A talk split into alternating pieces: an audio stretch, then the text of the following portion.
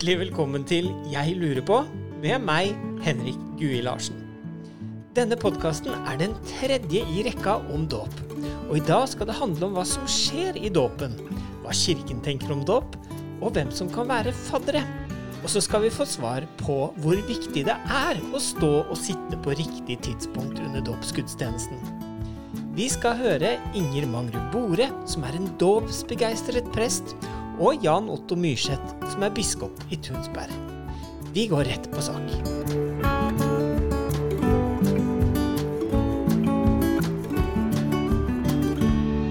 Hvorfor er du så begeistra for dåpinger? Ja, at dåp er eh, en stor gave som gis til meg og til alle hvor enn vi lever i verden, og hva slags liv vi enn lever. Og det tror jeg er derfor at jeg syns Mm. at dåpen er noe helt annerledes enn alt annet. Det bekrefter meg og meg, meg og mitt liv, og deg og ditt liv, uansett hvem du er, og hva slags liv du lever. Mm. På en måte som ikke noe annet kan gjøre, tror jeg. Hvorfor egentlig Jan Otto Myrseth døper kirka? Er det for å få medlemmer, eller fins det flere gode grunner? Altså, Jesus eh, tok avskjed med medarbeiderne sine og sine venner eh, og sa gå ut, gjør alle folkeslag til disipler, døyp deg og lær deg å holde alt det som jeg har befalt dere. Det er hovedgrunnen. Altså at Jesus rett og slett har bedt oss om å gjøre det. Og så er, har det altså i 2000 år vært Selve kriteriet for å være eller høre til i et fellesskap som både da dreier seg om de mennesker rundt meg i denne menigheten eh, som tror på Gud, men også et forunderlig og mystisk stort fellesskap som omfatter alle døpte i hele verden. Og det er for meg kjempestort å kunne vite at jeg får høre til der. Ikke fordi at jeg er spesielt flink og from, men fordi at jeg har eh, blitt døpt slik Jesus ba oss om å døpe.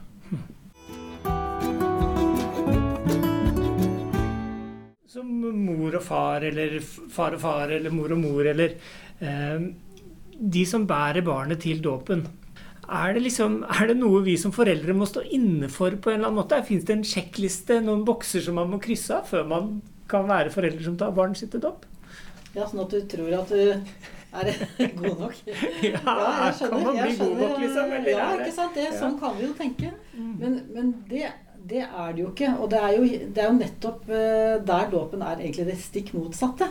Så det er ikke sånn at man må tro på noen spesielle ting. Jeg tror eh, at vi bærer barnet vårt eh, til Gud fordi vi vi vet at barnet kommer til å oppleve mye fint og mye vanskelig gjennom livet sitt. Og hva kan vi gjøre som gjør at eh, barnet får det best mulig, da? Og da tenker jeg jo at eh, å gi tilgang til en, eh, en måte å lære noe om hva tro er, eh, at det kan være en måte å se sitt eget liv for det barnet når det vokser opp. Eh, vi skal jo alle liksom prøve å skape vår egen identitet og, og forstå alt det som skjer, og forstå vår egen plass. Det tror jeg dåpen kan hjelpe til med. To foreldre. Ofte er det to. Det er ikke alltid det, men ofte er det to foreldre som, eh, som skal inn i dette her. og eh, eh, La oss si at en har en mor som er veldig opptatt av at vi skal døpe barna. En annen har kanskje en humanetisk far som syns at dette er helt unødvendig. Må foreldrene bli helt enige, eller hvordan kan den prosessen se ut? på en måte? Det kan jo hende det ikke blir. Eh, Og når man har barn, så er det mange valg som man skal gjøre for barnet. Og eh, kanskje dåp også er en sånn eh, ting som man må diskutere seg fram til. eh, Og bli enige om at man skal gjøre eller ikke gjøre. Eh, Så man må ikke være enig.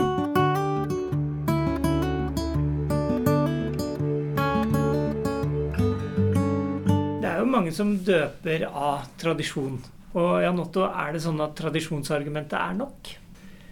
Jeg tenker at vi eh, eh, må alltid forholde oss til at vi på den ene sida er enkeltindivid, eh, og på den andre sida så hører vi til i et større kollektiv.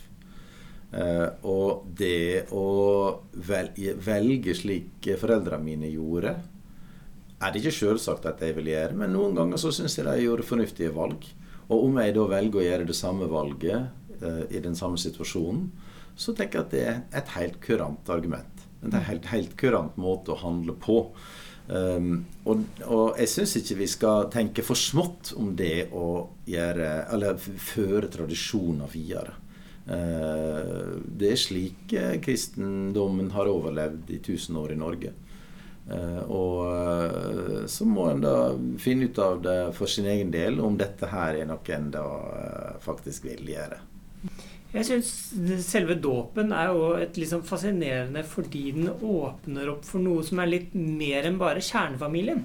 For det, det oppleves veldig som en kjernefamiliehendelse når man får et, et lite barn.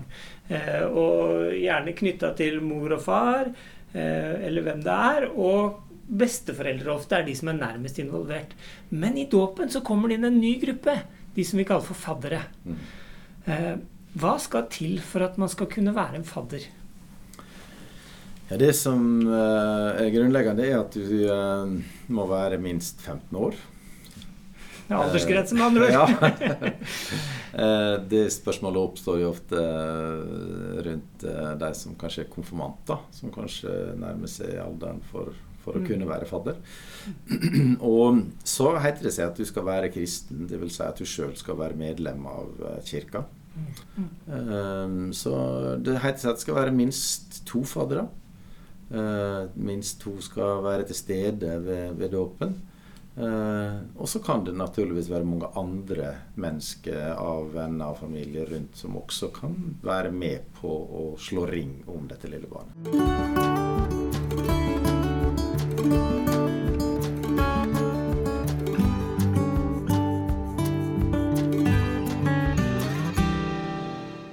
Er selv far da, til tre barn og har jo vært i denne tåka. Eh, som både består av, syns jeg i hvert fall, noen deler en slags magi, men også noen deler eh, Kanskje ikke fortvilelse, men sånn Man faller litt i blinde ofte, særlig med første barn, kanskje.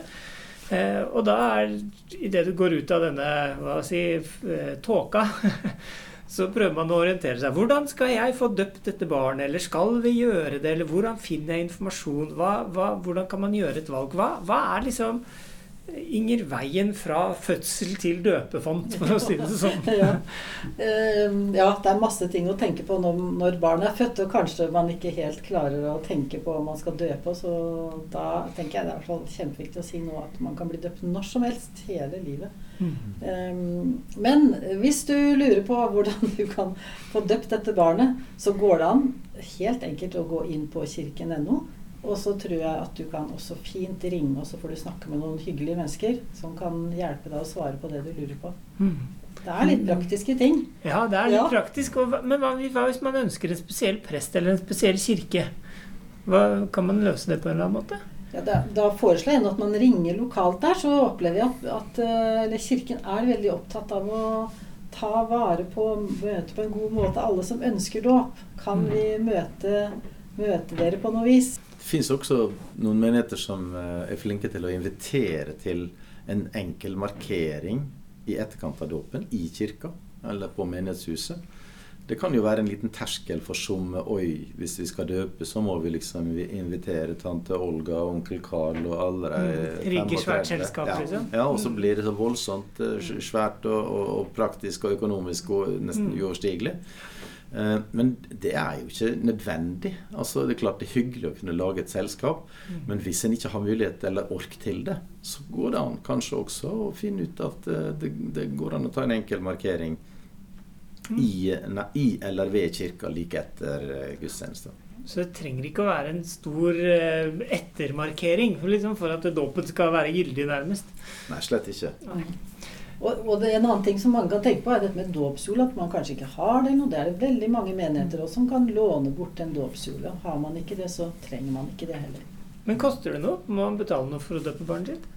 Man betaler ingenting, eh, ingenting. for dåpen. Den er gratis. Mm. Når du kommer inn i kirka, hvis, hvis, du ikke går der så ofte, og det er det jo mange av oss som ikke gjør, eh, så er det jo dette med å reise seg og sitte, og hvor skal man sitte? Sitte i dette store rommet? Hva, hvordan forholder man seg til alle disse tingene her? Ja, det skjønner jeg at mange lurer på. Men der tenker jeg at det er, det er uh, før dåp, når man har tatt kontakt med menigheten og ønsker, ønsker dåp, så er det alltid en samtale med en prest før dåpen.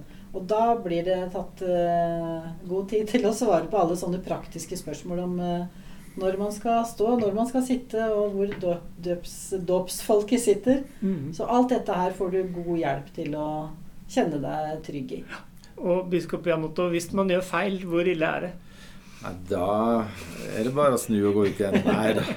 Nei, aldeles ikke. Altså, jeg tror i kirka så er vi godt trent på å, å, å forholde oss raust til at ikke alle kjenner alle koder. Mm. Uh, og en uh, vil forhåpentligvis bli, få oppleve at en blir tatt godt imot ved døra.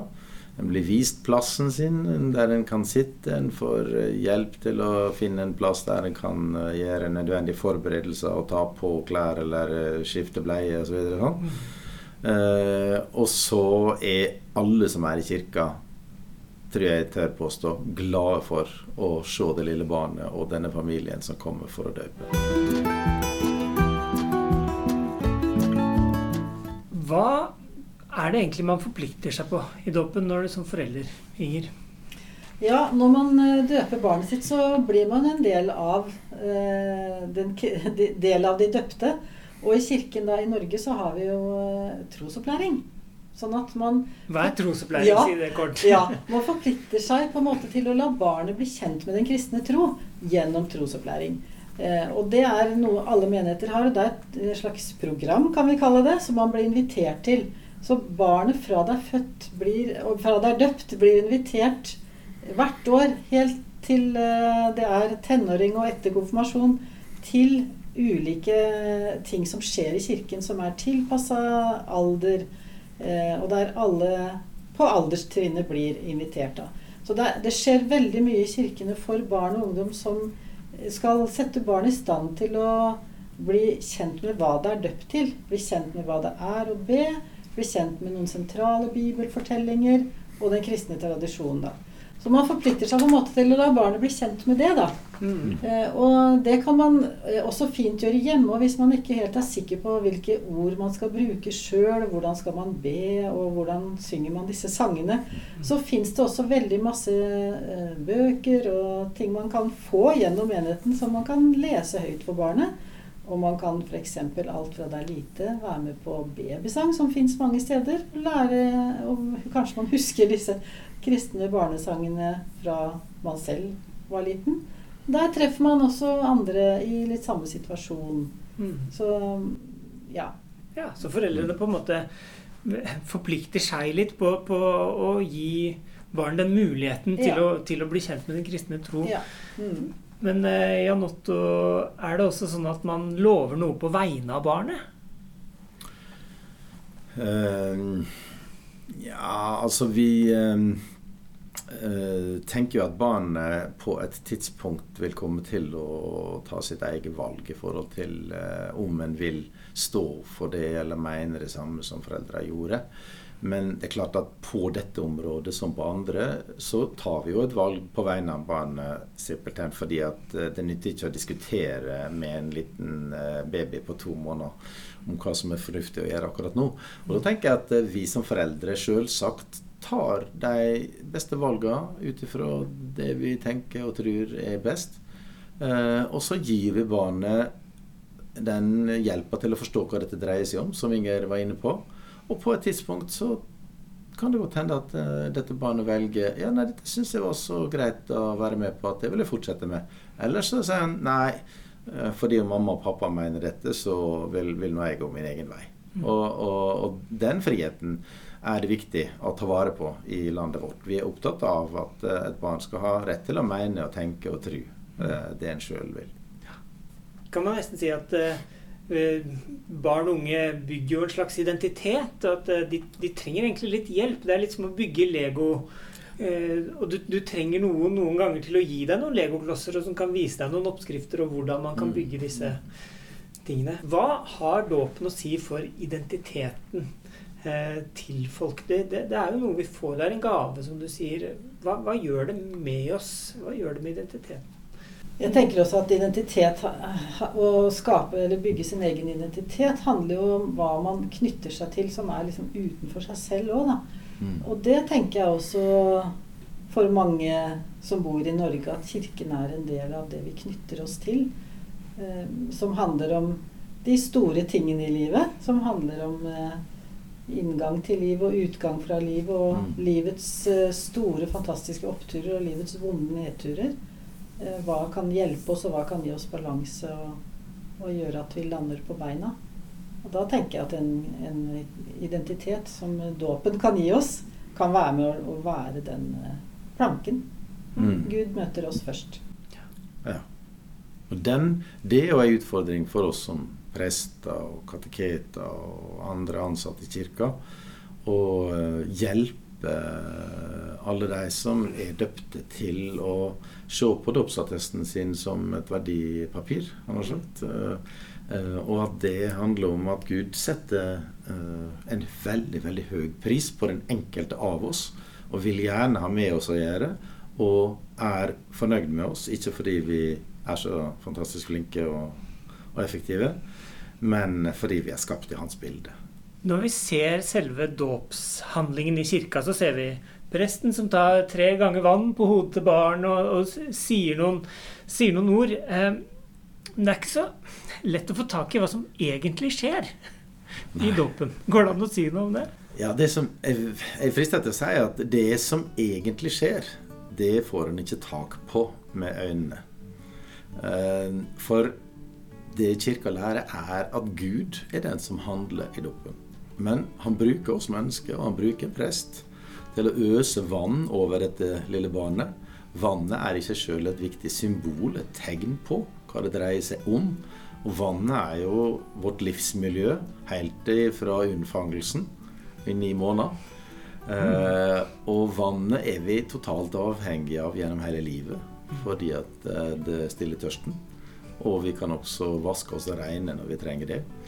Eh, så det er masse, masse symbolbruk rundt det. Eh, men det viktigste er altså at Gud viser sin kjærlighet til oss på denne måten. Tar oss i sine armer og sier 'Du er min sønn, du er min datter. Jeg elsker deg akkurat som du er'. Jeg tilgir deg når du har mislykkes og gjort dumme ting. Og jeg tar deg stadig på nytt inn i Eh, fellesskap med meg. Hjertelig takk. Dette var den siste episoden om dåp. I de andre episodene om dåp kan du høre familieterapeut Hedvig Montgomery snakke om relasjoner og babybobla, og du kan høre forbrukerøkonom Magne Gundersen fortelle om økonomi og planlegging. Likte du det du hørte? Søk opp Jeg lurer på der du finner dine podkaster. Gi oss en rating og følg med. Det kommer nemlig flere podkaster fra oss. Og lurer du på noe om kirke, tro, Gud og sånne ting, så send oss en melding, da vel, i Facebook-gruppa vår Jeg lurer på. Så kanskje vi tar oppdraget med å finne svaret på det du lurer på. Denne podkasten er laget og produsert av Tunsberg bispedømme i Den norske kirke.